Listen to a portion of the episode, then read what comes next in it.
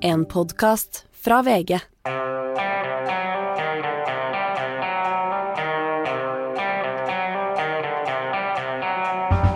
Ikke visste jeg at alle disse dagene som kom og gikk, de var selve uke tolv. Det begynner å dra seg utpå året, Hanne. Vi er snart kvartveis. Og det er så deilig, for nå er det litt sånn vår i lufta. Og til helga så er det vel sommertid igjen? Sommertid igjen, og Høyres landsmøte, og det er vårens vakreste eventyr. Ja, alt skinner nå. Sola skinner, det er eh, håper jeg. Men det er i hvert fall lyst. Kjenner du at lykken stiger i deg når det blir lysere? Jeg vet du, jeg hater november og høsten, og så kjenner jeg på våren blir jeg alltid litt lettere. Ja. Og litt ulikt utgangspunkt, riktignok, men eh, det blir, livet blir lettere om men vi går jo ikke rett fra november nå. Hvordan, var, hvordan har mars vært, f.eks.? Er du lykkelig da? Eh, Ja, men mars har vært veldig rar. Det har vært eh, masse snøfall, det har vært regn, og det har vært litt, sånn, eh, litt for mye vinter til å være mars. Ja, men litt vinter. er Noen av oss ble riktig så lykkelige. Jeg ble forrige uke. Det begynte å, begynte å snø når jeg trodde det hele var over, og jeg fikk godt over eh, Lyseren i eh, Enebakk på, på ski. Da kjenner jeg Da steg lykkeindeksen min. Det sjokkerer kanskje deg, men jeg har altså ikke hatt ski på meg en eneste gang i år. Nei, det sjokkerer meg egentlig ikke. Jeg bare skjønner hvorfor du ikke sitter her og strutter av lykke sånn som meg. Ja. Fordi det, det blir man nemlig lykkelig av. Eh, og når jeg, når jeg snakker så mye om lykke, så er det fordi at eh, denne uken så kom eh, FNs eh, lykkekåring, eh, og som NTB skriver, som vanlig troner Finland øverst på listen på årets lykkekåring gjennomført av FN. Norge ligger lavest blant de nordiske landene på en sjuendeplass.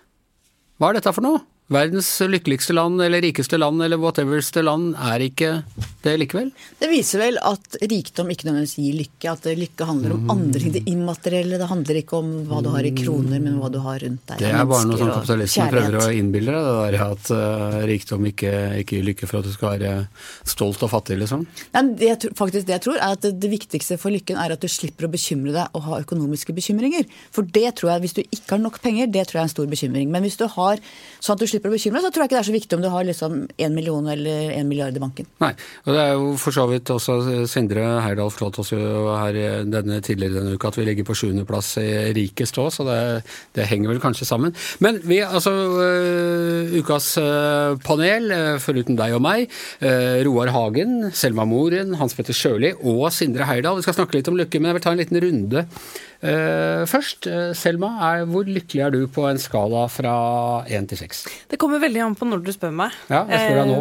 Eh, og i dag eh, jeg, har sånn, jeg får sånne energiraptuser i løpet av en dag, så nå ble jeg kjempeglad. Ja. Eh, men jeg var ganske lei meg i dag tidlig. Okay. Så eh, du, spør, du begynner med den mest emosjonelt ustabile, tror jeg, fordi jeg har et veldig stort spenn. da. Så jeg jeg blir veldig glad, og så blir jeg veldig lei meg, og så går det liksom eh, Ja. litt sånn opp og ned. Det kan ha med alder å gjøre. Hvor gammel er det du er? Du, jeg er 26. Ja. Nei, jeg vil også si at det var nok en periode av livet hvor eh, skalaen eh, var litt mer variert enn den er nå. Ja. Eh, Jeg har prøvd å innfinne meg at liksom, lykke det er kortvarig, men det er også ulykken. Ja. ja. Ja. Livet er langt, lykken er kort. Sindre, én til seks, hvor lykkelig er du? Fem, eh, vil jeg si. Det er ganske jevnt, egentlig. Men jeg liker veldig godt den tiden vi er i nå, hvor det begynner å lysne og ja. Eh, eneste nedturen jeg har i løpet av en dag, er sånn fra halv åtte til åtte, altså. Når når jeg skal jage ut ungene. Ja, For du har små barn og Ja, litt blodsmak i munnen? det er en slitsom halvtime. Ellers eh, veldig bra. Ja. Hans Petter? Ja, jeg, var jo like ung som Selma nesten, da, så jeg var jo også veldig ja, ustabil i humøret. Så eh, nei da, jeg, jeg synes som han, han, Richard Ashcroft fra The Verve sang, ikke sant, i Bittersweet Symphony, sang I'm a million different people from one day to the next. Det betyr at uh, lykken er ikke, eller ulykken eller hva man skal kalle det, er ikke konstant, den går litt opp og ned, det er en sånn punktlykke for meg, men jeg vil jo likevel være såpass raus med meg selv og si at jeg er på en femmer, ja. Ja, Terningkast fem? Ja, og særlig nå, eh, siden vi praiser været og alt sammen her, sånn, våren er jo beste tida i, i året. Men Da kjenner man liksom at ja, man kommer til livs igjen, ikke sant? Men også den tiden da jeg var litt mer bevegelig i humøret, følte jeg også at det var den litt mer sånn manisk-depressive tida.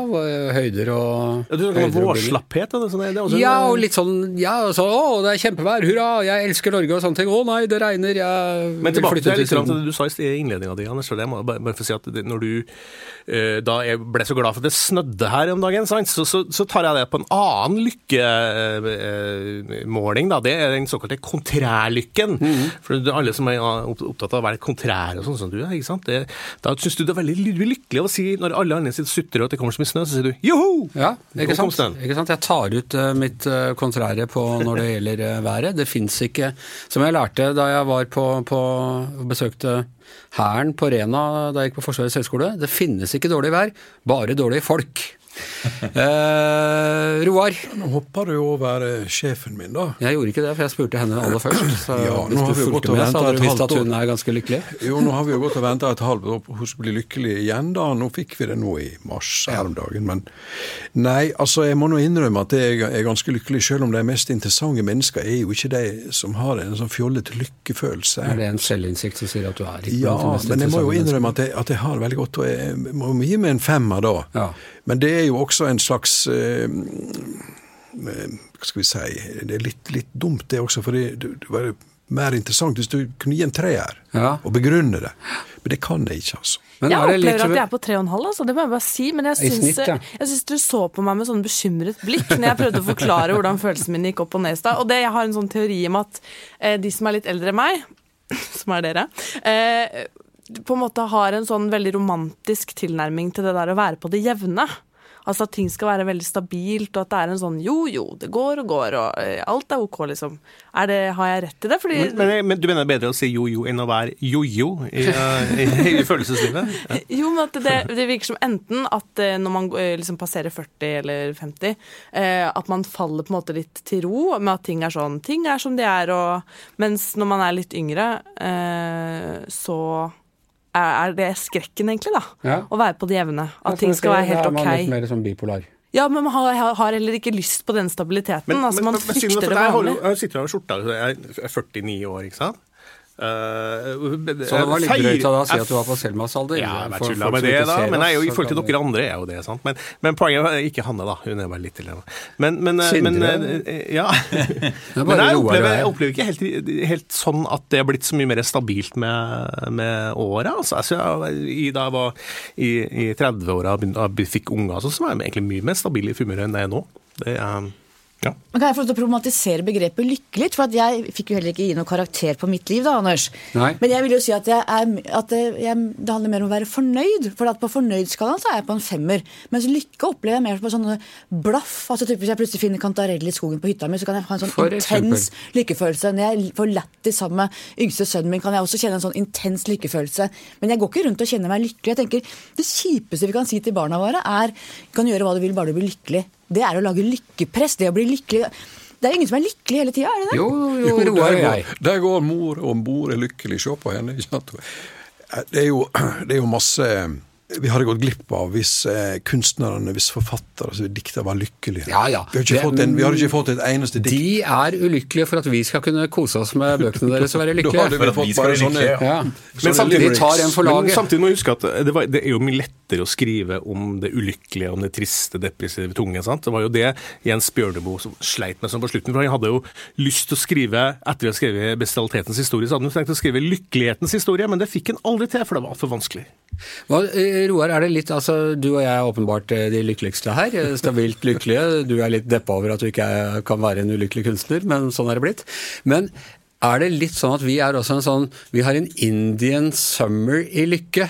Vi flammer opp akkurat nå, lykkelige nå, før forfallet liksom tar oss for godt. Og at vi, vi har en litt sånn Vi må utnytte dette, vi må karpe diem, som de sier i Lykkeland. Som en rose. Jo, jo, men det er klart for meg og deg, vet du, så er det sånn vi, Bare å stå opp er jo et mirakel. Ja, Vil ha kaffe, sette på kaffe, det lukter i hus, og du Ikke kjenner at det, Vi er så det er jo det. takknemlige for så lite, Ja, det er så lite. vi som bygde landet. Eh, ja, det kan du si. Men, men eh, ja, nei, men altså, det har jo noe med når vi hører på samlingen We are not depressed. vet du. Det er nesten som å høre på litt glad altså høre på folka rundt. alle, er så, alle er så lykkelige. Men jeg tror, faktisk, jeg tror faktisk denne forsamlingen er det, altså. Ja, ja. Det betyr at vi er privilegerte. Og vi er altså tilbake til, til hele den norske sinnsstemningen og kåringa vår. Hør om dere kjenner igjen den. Kveld kunne oljearbeiderne for første gang se gassen brenne.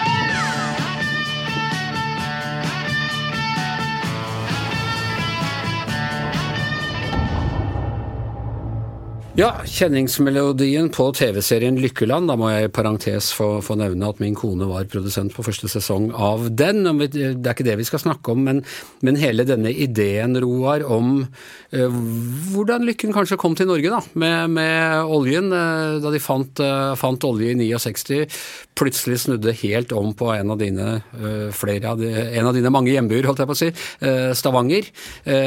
gradvis også snudde helt om på hele Norge på engelsk heter serien State of Happiness, hvor vi liksom har uh, befunnet oss etterpå. Er, er Stavanger det lykkeligste stedet i Norge, tror du? Det er nå i hvert fall en utrolig deilig by å bo i. Med kort avstand til alt, du har tilbud på alt. Enda bedre enn Nesodden? Det er to forskjellige plasser, egentlig. da. Som kan ikke helt sammenlignes, men, men, vi snakker om Stavanger, og det er lett å komme seg ut. Det går direktefly fra Sola til London, Paris, eh, Amsterdam osv. og komme seg fort ut.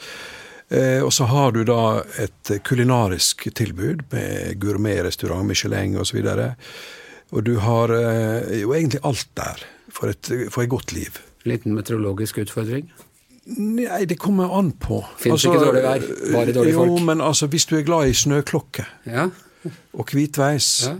Og ikke så glad i blankis ja. og sånn uh, svevestøv. Men ikke snøklokke sånn i januar? Ja, februar. Så Hvis du er der, så er det et fint sted. Hvis du er veldig besatt av å gå på ski, så er det feil sted. Og, men, men uh, likevel, ja, og dette viser jo bl.a. Eh, NRK hadde noen reportasjer om hvor man var lykkeligst i Norge. Rogaland er det stedet hvor nordmenn er lykkeligst. Uh, og likevel så er det et gryende opprør på gang, som du har skrevet om i vår avis. Det er et gryende opprør som knytter seg til at eh, staten eller myndigheten ikke, ikke, lytter nok til folks eh, virkelighet. Enten om du driver business, eller du skal ta båten eller ferga, eller hva det måtte være, så føler ikke folk at du får nok gehør. Og, og spesielt ikke hvis, hvis, da, hvis da befolkningen sammenligner med oppfatning av sin egen verdiskapning. Så er det en veldig mismatch. Og når vi da har politikere som da tilsynelatende ikke forstår dette, eller, ikke vil lytte til dette, så oppstår det da et indre trykk da av eh, frustrasjon.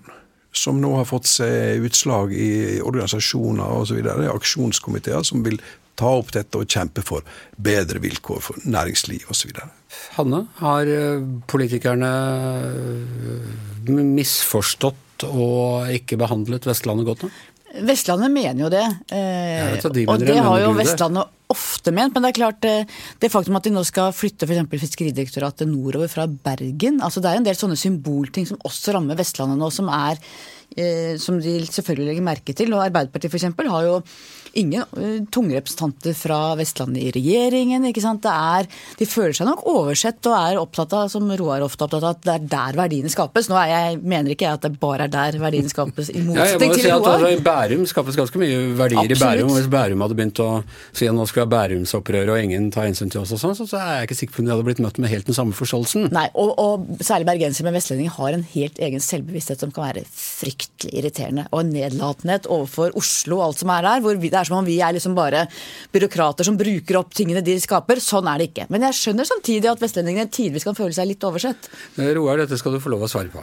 Nei, altså, nå, er jo et, nå er det jo et opprør i, nå er det jo et opprør i Bærum. fordi i den forstand at mange flytter til Sveits fra Bærum, ja. med, med, store tap på skatteinnkomsten. Men hvis du skal liksom ta fram karikaturen på Østlandet sett fra Vestlandet, så er det jo der en altfor stor stat som er, har bygd seg opp med, med, med slit fra havet og fossen og fjorden og alt det der. Folk driver bare med, med, med, kjønnsforskning og et eller annet i media og sånn, ikke sant? og, og da, Tegner karikatur, morsomme karikaturtegninger ja, i avisen og sånn? Tape ungdommene sine til mediebransjen, ja, ja, sånn som meg, sant? Eh, eller bli, bli medievitere. Skuespillere og journalister. Eksempel. Og, og mens, mens folk har sitter igjen med verdiskapning og harde realiteter, og ikke blir hørt. Og, eh, og da, da, blir det jo da en mismatch. Og dette kan du nå lese på politiske meningsmålinger i, i, i Rogaland, Vestland, Møre og Romsdal. Det siste fra Møre og Romsdal så var Arbeiderpartiet nede i 12% som er, som er helt hjerteskjærende, egentlig. Ja. Og, og, ordføreren i Stavanger vet du, er livredd for å få besøk fra partiet sentralt. eh, som er jo egentlig Altså fra populært. partiledelsen? Ja. Ja. Fordi det er Eh, dårlig reklame for partiet? ja, for det har godt navn lokalt. da, en Bra standing og flink eh, ordfører osv. Men eh, kan betakke seg for den hjelpen, da. Og det, Dette handler litt om det samme. og Også opplevelsen av folk, at folk blir ikke tatt eh, med nok på råd, er ikke representert i regjeringa. Eh, oljeministeren, hvorfor er ikke den oljeministeren fra, fra Rogaland eller Bergen? ikke sant? Eh, så finner de da en fra Telemark. Ja. Ser jo veldig rart ut, da. ja.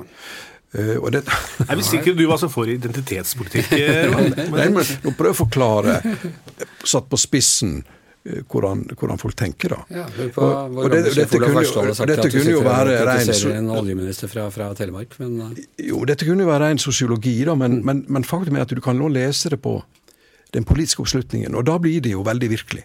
Du, eh, Sindre, er det, er det rimelig å snakke altså Roar snakker jo nå om følelser, og, og det er selvfølgelig det aller kraftigste grunnstoffet i, i politikken, men, men er det rimelig å snakke om at noen eh, eh, landsdeler bidrar mer til verdiskapningen enn andre? Nei, ikke i en tradisjonell forstand. Eh, Norge er et lite land eh, hvor vi er avhengig av virkelig alle landsdeler for å få ting til å fungere. Eh, la meg bruke sjømaten som et eksempel. Ikke sant? Ingen tvil om at den er konsentrert på Vestland og Midt-Norge. Men du får jo også bistand fra veldig flinke finansfolk i Oslo, som altså ikke oppfører seg Som regel som disse ja, men som som regel ikke holder på som i Exit. Og eh, de bidrar også til å tiltrekke seg penger til næringen og til at det skjer. Og så kan du si kan vi ikke bare flytte de til Bergen? Kanskje vi ikke kan det. Kanskje miljøet hadde blitt for lite. Kanskje de da hadde flyttet til London. Så dette henger sammen. altså det, Vi må ha veldig mange næringer som spiller hverandre gode for at vi skal bli ledende på ting som Bærum, som jeg da stadig kommer tilbake til, eh, kommunen jeg er født i, men riktignok bodde under et år i, eh, de er faktisk eh, sjett største fiskerikommunen i landet når det kommer til verdiskapning, Roar?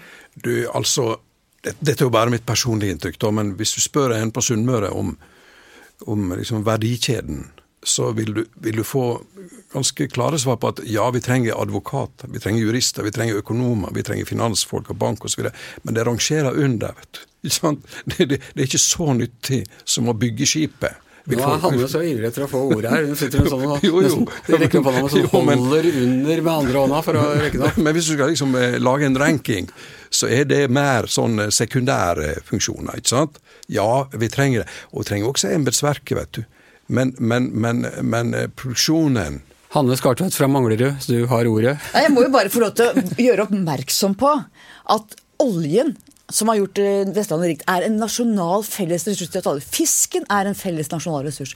Og grunnen til at vi har fått de oljerikdommene vi har på den måten vi gjorde, var noen veldig veldig flinke byråkrater på 60- og 70-tallet som la opp til at dette ble en nasjonalressurs og ikke amerikanske oljeselskaper. Jens. Evensen fra Grønland i Oslo. Ja, ikke sant? Sånn at det å liksom snakke om at verdiene, det er våre felles verdier som de folka der får arbeidsplasser ved å hente opp. Sånn at det, alt henger sammen med alt. Og vi er De en, en nasjon som da, som Sindre sier, og som er liksom finansfolk, byråkrater. Det er en enhet, og de er liksom splitta opp i De skaper det, vi skaper det. Det er virkelig identitetspolitikk av verste sort, Men, Roar men, men du er enig? Ja, Ja, men Det du kommer med nå, det, det vil du jo for stor tilslutning til.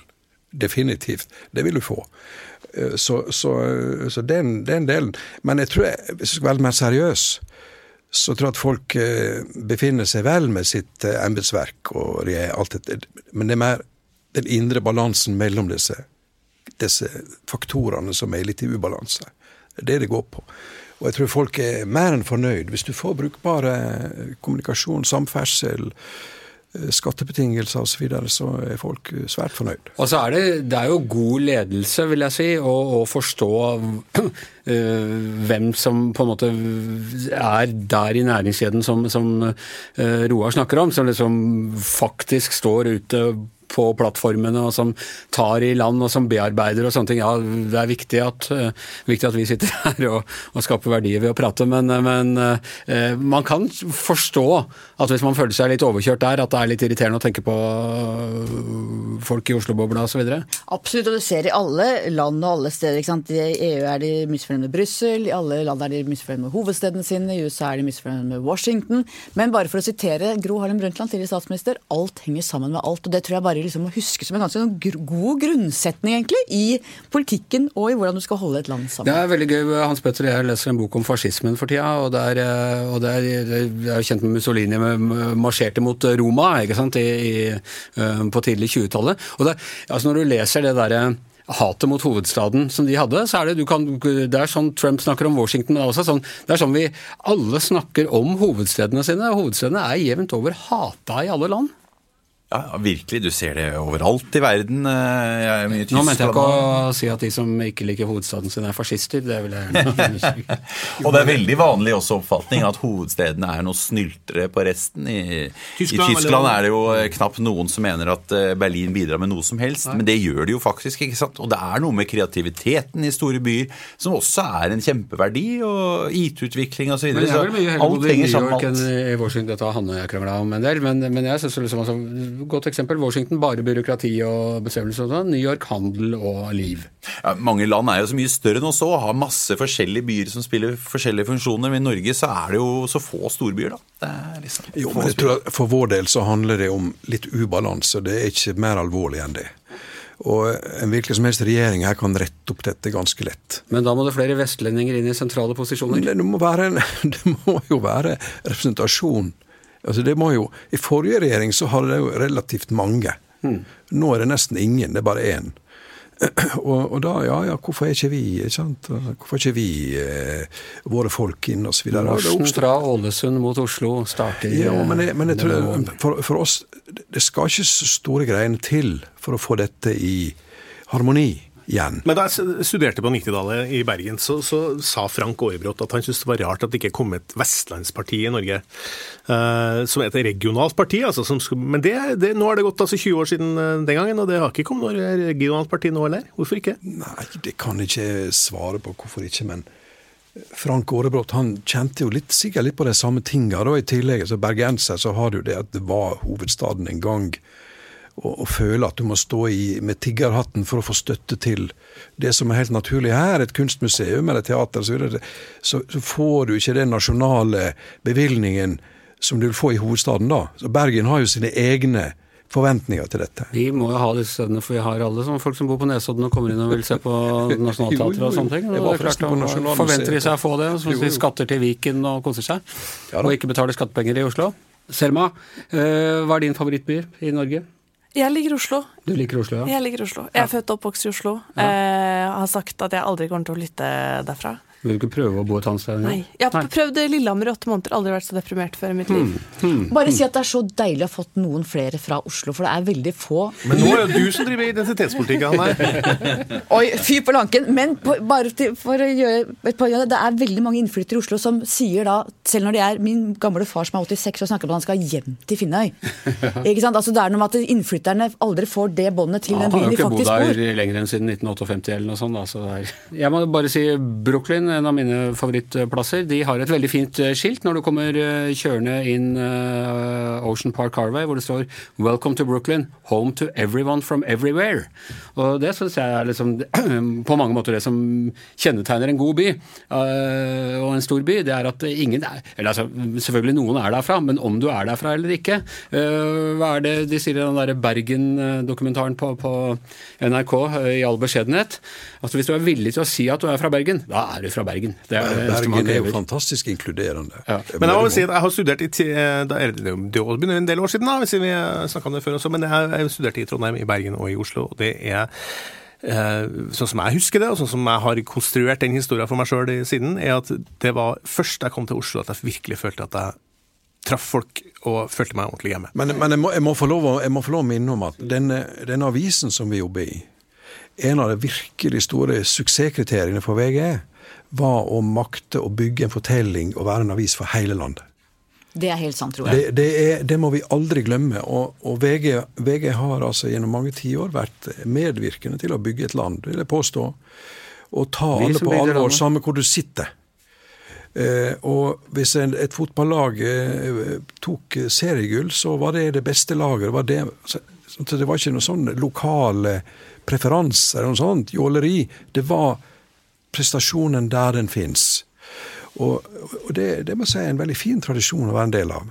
Ja, VG er hele folkets avis. Det er helt sant. Ja, Var det da vi ga ut avis? Nå har vi lagt ned alle mediehus. distriktskontorene. og... Jo, det var litt uheldig. Vi var hele Norges eh, avis, og vi var også en avis og én avis som vil at Norge skal være en del av Europa. Ja. Ja da. Eh, Skal vi ta EU-debatten nå? Nja Nei, jeg skulle bare si at jeg tror det med forhold til sted og hvor man er lykkelig, også handler om følelsene våre og hva som er på en måte eh, hva som kjennes nært hjertet vårt. Da. Så det har, jeg tror ikke det nødvendigvis har noe å si om fasilitetene eller hvor mange gode restauranter, eller, men hva vi kjenner at er hjemme inni oss på en eller annen måte. Da. Jeg liker veldig godt det spørsmålet. Hvis du kunne, du hadde bare en time igjen eh, i livet ditt, eh, men du kunne gå tilbake til ett sted eh, og være der den timen. Hvilket sted ville du valgt da? Jeg ville for eksempel, tror jeg valgt eh, hagen til faren min. Ja. Og det har jo ikke i noe med er det? Er i Maridalen. I Maridalen. Eh, og det, for de som ikke vet hva Maridalen er, så er det skog Ja. og åker. Det meste av Oslo er faktisk skog. Så. Ja, ja. Eh, men er dere ikke litt enig i det? er liksom, helt enig, og jeg syns det er en god avslutningsrunde. Hvis du kunne en time på tampen, Roar, hvor ville du dratt? Jeg har en liten idé, men Nei, da ville jeg oppsøkt min barndoms fjellbekk på Sunnmøre. ja. Og sitte der. Og se på ørretene som flakser fram og tilbake. Det tror jeg. Jeg ville faktisk valgt eh, verandaen min på hytta på Nesodden med solnedgang. Og jeg ville dratt til Kaspihavet for å spise kaviar. Ah, der har vi den mest kontinentale av oss så langt. Sindre, topper du den? Nei, jeg tror faktisk jeg hadde tatt en tur til Nesodden, jeg òg. Til barndomshjemmet der, med fin utsikt over eh, Oslofjorden. Og så hadde jeg hatt flaks, så hadde jeg sett noe verdiskapende virksomhet fra Vestlandet sige inn fjorden. Eh, Magne, hvor uh, Jeg ville nok reist til eh, Rælingen, hvor jeg kom fra. Ja, jeg tror jeg, tror jeg ville sittet på, på trappa på hytta på Helgeroa og sett på solnedgangen med en uh, polynesisk pjolter i, uh, i hånda. Jeg vil bare legge Og med det- familien rundt meg. Jeg vil bare legge til det jeg sa nå, var en, en parafrase av noe som ble sagt i serien, eh, den norske serien Exit, Ja. hvor det da beviser at du har ledd et rikt liv hvis du har vært eh, og spist kaviar i ved Kaspihavet. Jeg har sett eh, soloppgangen ved Angkor Wat i Kambodsja. Og fisket hai på Key West, var det ikke noe sånt. også. Ja, da skal jeg mer om dette i Tore og Jeg ville selvfølgelig hatt min siste tid eh, hjemme på Steinkjer, da. på Steinkjer. Ja. ja. Det- det, det det, det, det, si det. utover Norges Toskana. Ja. Ok, eh, helt på tampen, eh, Hans Petter. Du, eh, du, apropos vakre steder i Norge, så skal du altså til Gardermoen i helgen på, på Høyres landsmøte. Et selvsikkert Høyre, vil jeg tro, etter, ettersom de bare stiger på målingene uten å, uten å gjøre noe for det. Og fikk en måling som vi snakket om i går, hvor de er dobbelt så store som, som Arbeiderpartiet i selveste Trondheim. Gleder du deg? Der er det lykke, tenker jeg. Ja, ja, det tror jeg faktisk. Jeg tror det er veldig, være kjempegod stemning der. Eh, som jeg sa i går, eh, også så er jo ikke akkurat Gardermoen et sted du, får- du liksom eh, får Du kjenner endorfinene bare siver inn i kroppen. Da. Det er jo et trist sted å ha landsmøte, syns jeg. å spise Jeg skal dit en tur, Hanne skal dit så også, og vi kommer sikkert til å møte et selvsikkert og litt sånn lavskuldra og kult uh, Høyre. Jeg husker at da, da valget ble tapt i 20, eh, for to år siden, da de rød-grønne vant valget, så var jeg på Høyres valgbake, og da var det en viss sånn molefunken stemning i det valgdagsmålinga kom, og det viste seg at de, tapte makta. Men så gikk det noen timer, og det var helt ellevilt bra stemning. Og når Erna, da Erna kom inn eh, seint på, på kvelden, her, så, så sto jubelen i taket. og da tror jeg sånn, sånn, Innerst inne visste de at det, ja ja, vi tapte makta nå, men vi kommer kjapt tilbake igjen. Og det, det tror jeg de faktisk har hatt en selvtillit på Høyre. altså. Men eh, Hanne, du som har dekket politikk så tett i så mange år. Er det kan man være altså Fremskrittspartiet åpenbart trives bedre i opposisjonen enn i regjering hele sjela i partiet. Men et parti som Høyre, kan de være lykkelige når de ikke har makta? Eh, Vi ser jo at de nå faktisk er det. Og jeg tror Høyre tåler opposisjonsrollen bedre enn Arbeiderpartiet gjør. Arbeiderpartiets åtte år nå fram til regjeringsskiftet i opposisjon var helt fryktelig. De blir grå i pelsen, de, de kler det veldig veldig dårlig. Mens Høyre faktisk har klart å finne rollen sin ved Erna Solberg. Ja. Og resten av laget òg. De er, virker fornøyd. Eh, Roar, vil det vare hvis de får avdelingsmakt, da? Avdelingsmakt. Du vet, Høyre satt jo greit i opposisjon fra 45 til Jon Lyng tok over på 60-tallet, og, og er jo vant til å være i, De klager fælt, da. Jo, de klager jo, men, men eh, jeg tror det er riktig som sagt her, at det er verre for Arbeiderpartiet, som er jo liksom eh, per definisjon maktpartiet, og bare krympe inn sånn som vi ser nå. Så Høyre kan jo egentlig bare spisse sine budskap og, og lene seg tilbake og se hva som skjer. Vi snakket om, altså Nå nevnte jo øh, at det ikke var noe vestlandsparti. I går snakket vi om at det fins ikke noe, noe økonomisk øh, konservativt parti øh, lenger, Sindre. Verken hjemme eller ute. altså øh, Republikanerne i USA er blitt ko-ko. Og her i Norge så vil Høyre og Fremskrittspartiet bruke minst like mye penger som Arbeiderpartiet. Ja, mer. absolutt. Og det er jo store megatrender internasjonalt òg. Vektlegge mer sosial stabilitet og, og, og, og, og bruke penger på det grønne skiftet, og nå også på forsvar, annet. Så eh, dette er ikke helt eh, gullalderen for de som eh, er nøkterne med pengeboken. Og kanskje vi skal minne oss noen ganger på også at det vi har klart i Norge, å bygge opp et eh, enormt oljefond på nesten 14 000 milliarder kroner. Det er ganske unikt i verdenshistorien. Land som blir rike veldig fort på naturressurser, de pleier å implodere. De bruker for mye penger og, og, og rører det til for, for seg selv. Eh, hvor lenge klarer politikerne i Norge å holde igjen på pengebruken? Ikke ta det for gitt at det varer. Nei. Eh, Jeg tror jeg har sitert denne før, men eh, jeg gjør det igjen. Andreas Humpland eh, sa en gang om Høyres landsmøte at den eneste spenningen på Høyres landsmøte knytter seg til om kongens gratulasjonstelegram kommer før eller etter festmiddagen. Det er jo sant òg, da. For det, altså, Høyre har jo vært, som jeg sikkert snakka om her, også, det er jo en slags heia, resten av partiet er en slags heiagjeng for stortingsgruppa. Eh, så så det, Høyre-landsmøtene pleier ofte å være ganske sånn sedate, da. I hvert fall sammenligna med de mer friske frasparkene nede på Youngstorget når det er krig internt i Arbeiderpartiet. Er jo, der er det jo faktisk helt elektrisk å være til stede. Eh, Men sånn de er som har lest litt sånn høyrebiografi, vet at det foregår litt av hvert på bakrommet nå. Ja, de eh, gjør det sikkert for ganske mye rart. De sk- skal jo sikkert skåle i alskens uh, eggelikør og den slags òg. Både Høyre og Frp er jo glad i det på bakrommene. Så jeg vet ikke, men jeg tror ikke, tror ikke bakromsaktiviteten på Høyre er så stor som det er på kottene, bøttekottene på, på Youngstorget. Men de har jo hatt historie om hvordan de har skvisa ledere. Det var en stund de spiste lederne sine til Jo Benkow og Nordvik og hele den. Ja, Ja, Presthus, Ja, Rolf Presthus, ja. det var ganske hardt, det, altså. Det var jo noen som ville spise Erna òg i starten. Ja, Ja, da. ikke sant? Det, det, er bare, det tror jeg de er glad for at de ikke gjorde. Ja. Eh, og det viser jo bare at eh, det å gå på som partileder med ganske lave forventninger trenger ikke å være så dumt, uh, jf. hun som tok over i SV forrige helg. Ja. Hun har fått et voldsomt oppsving etter sitt utfall mot Mange eh, mener at hun skal ryke og reise, mens andre slutter å på mennene. Ok, eh, da runder vi av. Hanne, podkast, helgen. Hva handler det om? Det er Kate Hansen Bundt, eh, generalsekretær i Atlanterhavskomiteen, ekspert på tysk politikk. Hun åpner med å fortelle en veldig spennende historie om en flukt fra Øst-Berlin som nesten gikk gærent, som er veldig tett på hennes liv. Som eh, hennes eh, tidligere mann var med på. Hun satt i en leilighet i Øst-Berlin og venta på hvordan dette skulle gå. En fantastisk historie. Når var dette? Det var på slutten av 80-tallet, før fall. rett før murens fall, Rett ja. før murens fall. En kjempespennende historie som handler om menneskehandel, flukt, alt. Ja. Og så snakker vi mye om Tysklands rolle i Europa og det store bildet av verden, som er ganske mørkt akkurat nå. Ja.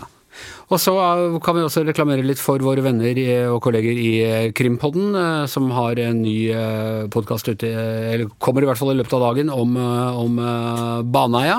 eh, Og den utviklingen som har vært eh, innen den da legges ut.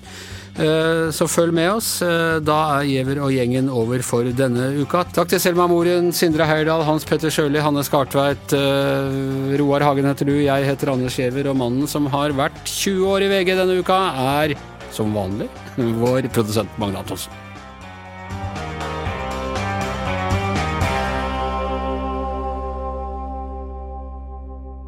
Du har hørt en podkast fra VG. Ansvarlig redaktør, Gard Steiro.